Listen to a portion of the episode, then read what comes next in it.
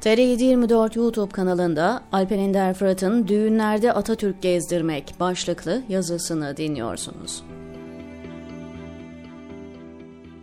Hala yapıyorlar mı bilmiyorum ama bir ara muhafazakar aileler düğünlerinde semazen döndürürlerdi. Düğünün bir yerinde ortamda çalınan mistik bir müzikle beraber semazen çıkar dönerdi.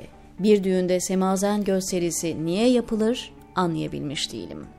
Düğüne ulvi bir hava mı verirdi yoksa muhafazakar bir ailenin düğünü olduğunu mu vurgulamak isterlerdi tam bilemiyorum.''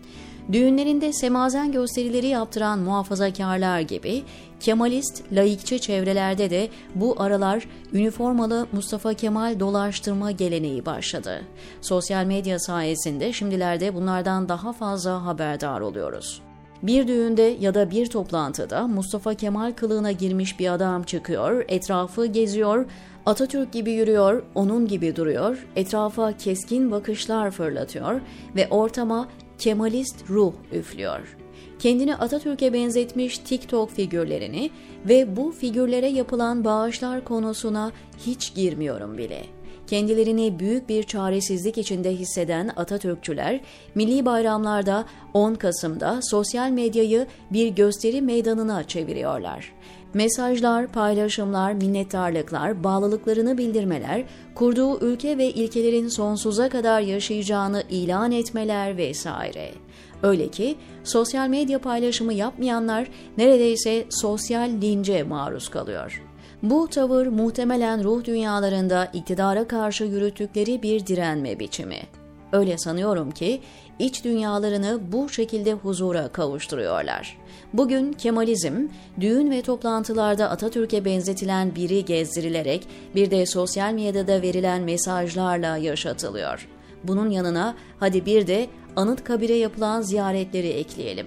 Sosyal medyanın sanal evreninde her daim iktidarda olan Atatürkçüler gerçek dünyada neler olduğuyla pek ilgileniyormuş gibi görünmüyorlar ya da büyük bir çaresizlik içinde hissediyorlar.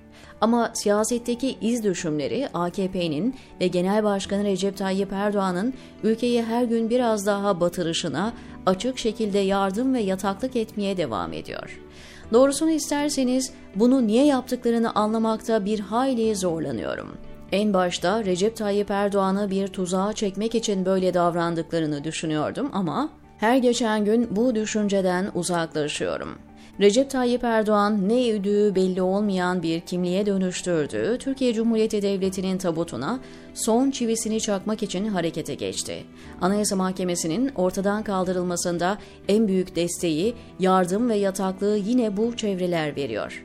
AYM'nin kaldırılması girişiminin koçbaşı MHP ve Devlet Bahçeli'yi Kemalizmden bağımsız düşünebilir miyiz?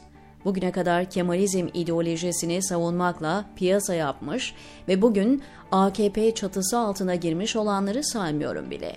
Diyelim AKP ve MHP Anayasa Mahkemesi'ni ortadan kaldırmayı kesin olarak kafaya koydu. Türkiye'de kim buna karşı gelip engelleyebilir?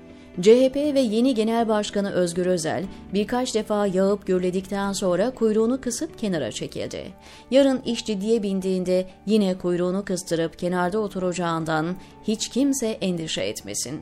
Bugüne kadar Kemalistlerin kırmızı çizgi olarak gördüğü hangi çizgi geçilmedi ve Kemalistler hangisinde sus pus olup oturmadı? Hatta şöyle soralım, hangi konuda ona destek vermediler, diyor Alper Ender Fırat, TR724'deki köşesinde.